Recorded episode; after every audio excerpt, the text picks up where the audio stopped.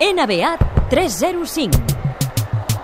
Yeah, it's the only pro in the game going for fame, and I'm destined to have the whole world know what it NBA 305 euros. Pau Vituri, bona nit. Bona nit. Dic euros perquè avui ens vens a parlar de diners, no? Avui et vinc a parlar de diners i avui et vinc a parlar d'un tema en concret que jo crec que t'agradarà. Aviam. És el tema dels drets televisius a l'NBA. I ha estat la gran notícia de, de la setmana pel megacontracte, per dir-ho directament, que s'ha tret de la màniga a l'NBA amb les televisions principals eh, amb les quals ja tenia doncs, el contracte anterior, que són d'una banda eh, la ABC ESPN mm. i de l'altra banda la Turner Network, eh, Network Television, la TNT, més coneguda allà. Eh, expliquem els números. A partir de la temporada 2017, 2016-2017, perdó, i fins a 2024-2026, eh, 2025, perdó, eh, 2,6 bilions, el que allà li diuen bilions, que aquí són eh, mil milions, Milers de milions. milers de milions, correcte? Doncs el que, seria, el que vindria a ser doncs, eh, 2.600 milions eh, de dòlars aquí, 2.600 milions de dòlars. en un any, eh? O sigui, el contracte total és de 24.000 milions de dòlars. O sigui, És una borrada. 2.600 milions de dòlars l'any. L'any. Amb això, Escobar, compres els drets de la Champions fins a... Oh, Fins al 2124. Mare de Déu, i la Fórmula 1. I la Fórmula 1. És, és una barbaritat. L'increment, deixa'm dir, que ha estat del 180%. Vull dir que abans cobraven bé, però no cobraven una quantitat eh, allò que diguis eh, estel·lar. Ara el contracte que s'han tret de la màniga doncs sí que el situen a nivell, sobretot de l'altre gran esport a nivell mediàtic dels Estats Units, a nivell televisiu, que és el futbol americà. Mira, eh, perquè et faig el cas. L'època que jo era cap d'esports a TV3 teníem un pressupost eh, dels, de 52 milions d'euros. Eh, I teníem tots els drets de tot. De l'Eurolliga, de bàsquet i d'handbol, de la Lliga de futbol, de la Fórmula 1, mm, tot. Ho teníem tot. De la Champions, tot. Això és el producte, això és l'NBA. Ah, això això t'anava a dir. Vull dir. Això m'hauria de parar orelles al nou, al nou president de, de l'ACB. Perquè, clar, això val el que val perquè hi ha eh, milions de- de- d'aficionats enganxats a les pantalles dels seus televisors, per la part de fora, no com el senyor Rajoy per la part de dintre, sinó mirant i atents a un producte que el cuiden, que el mimen, que el tracten bé. No sé si el Pau en vol parlar avui, però el que ha passat avui és un gran spot publicitari pel món del bàsquet, per la NBA concretament a Europa. Ha jugat avui el San Antonio Spurs, el campió de l'NBA, ha jugat avui a, a Berlín.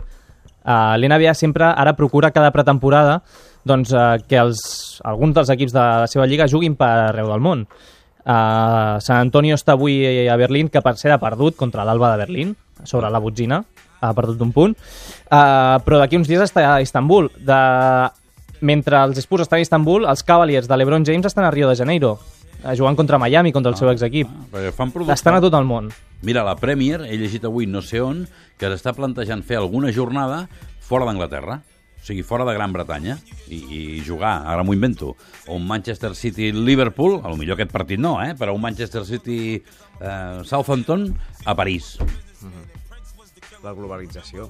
Mm -hmm. Amb tot això, el valor de les franquícies doncs, s'ha disparat. Uh, sense anar més lluny, els Clippers aquest estiu van vendre la franquícia doncs, per 2.000 milions de dòlars, que era una xifra rècord, i oh. se van vendre el show perquè fins i tot uh, ara es crearà també una gala final de temporada tipus Oscars, on s'entrenaran on s'entregaran els premis de, doncs, al millor jugador, l'MVP, el millor novat de l'any, millor novell, uh, l'entrenador de l'any, per tant... mm, Perquè ells cuiden el producte. home. Correcte. Ells cuiden el producte, perquè tu, mm, el, el que ha de fer gran aquest producte és, és la premsa, diguéssim, i el, els mitjans de comunicació, i eh, els mitjans de comunicació tenen accés a tot el producte en les millors condicions possibles perquè puguin fer la seva feina de la millor manera perquè arribi a l'espectador de la millor manera possible. I, i començant per aquí i acabant pel senyor de les crispetes, que no es pot permetre el luxe de fotre unes crispetes lamentables eh, i llardoses al pavelló de, dels Lakers, sinó que han de ser unes crispetes que tinguin un nivell i que no sé què, no sé quantos, és d'una punta a l'altra. Tot això uh, té una repercussió Quina secundària. enveja, que, com fan les coses de bé. Quina repercussió secundària. Hisenda. Els jugadors. Ah, anava a dir. Vull dir, perquè aquí la Lliga rep una quantitat de diners doncs, que és del 180% més del que tenien, i clar, els jugadors diuen, home, Eh, nosaltres... és Gràcies als nans del circ. també. Vull dir, fa 3 anys es va haver-hi un tancament patronal a l'NBA, que es coneix com a lockout, i els jugadors allà van cedir una proporció, una petita proporció de la part que rebien. I ara estan dient eh, que si vosaltres cobreu més, nosaltres també volem cobrar més. Llavors serà el, la gran pedra de toc de l'NBA, de saber traslladar aquests diners eh, o repartir-los també amb el que rebin els jugadors. Es parla, ara mateix, eh, cada equip es pot gastar, té un límit salarial de 63 milions en salaris. Es parla que passaria a ser de 85, de 85 a 90 milions amb aquest nou, amb aquest nou acord de, de l'NBA amb les televisions. Per tant, tothom surt beneficiat, també els jugadors. Un Ah. negoci és negoci com guanyen les dues parts. De fet, hi ha jugadors que són bastant intel·ligents o que han estat bastant intel·ligents aquest estiu, com és el cas de l'Ebron James. L'Ebron James podria haver signat aquest estiu un contracte de 5, 6 tem de 5 temporades amb qualsevol equip, però va voler signar només dues. Per què? Perquè quan arribi l'estiu de la temporada 2000, eh, 2015-2016, és a dir, abans de començar la 2016-2017, ell podrà signar un contracte, un nou contracte encara més lucratiu. Podria arribar a guanyar 34 milions l'any, més o menys, se situen les xifres, No està malament, eh? i ara en cobra uns 20-21 milions. Tampoc està Això malament. el conveni no hi entra. Eh? No, no, no. Però, escolta'm, no sé si tu, té, si, si tu tens aquí el guió, eh? però crec que això també té una conseqüència bastant dolenta pel bàsquet europeu, en el sentit que alguns dels millors jugadors eh, no els podràs retenir. Fins ara, eh, un CSKA de Moscou o un Barça, el millor pagant 3 milions d'euros, podia arribar a retenir algun jugador, però ara és un problema més, no? Tota la raó. Sí, sí, no, no. Uh, un jugador que ara, per exemple, el cas de Papa Nicolau, que te l'has pogut endur mm, una miqueta allò eh, amb unes negociacions complicades, no? per uns 4 milions, 5 milions aproximadament. Clar, d'aquí a uns parell d'anys eh, els contractes que els, els ofereixin seran de 8 milions, 7 milions tranquil·lament, i davant una oferta com aquestes, o aquí a Europa no hi ha una acció similar, o, clar, aquí serà difícil retenir... Aquí, amb les audiències que estan tenint les televisions que tenen els drets de la CB, eh, l'única cosa similar eh, pot ser l'alçada dels jugadors. Eurolliga, Eurolliga.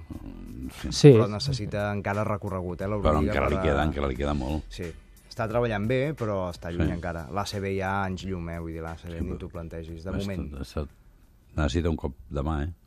Què més tens? Uh, bé, sobretot ta- per tancar aquest tema, uh, l'NBA també té una gran lluita, que és amb el futbol americà.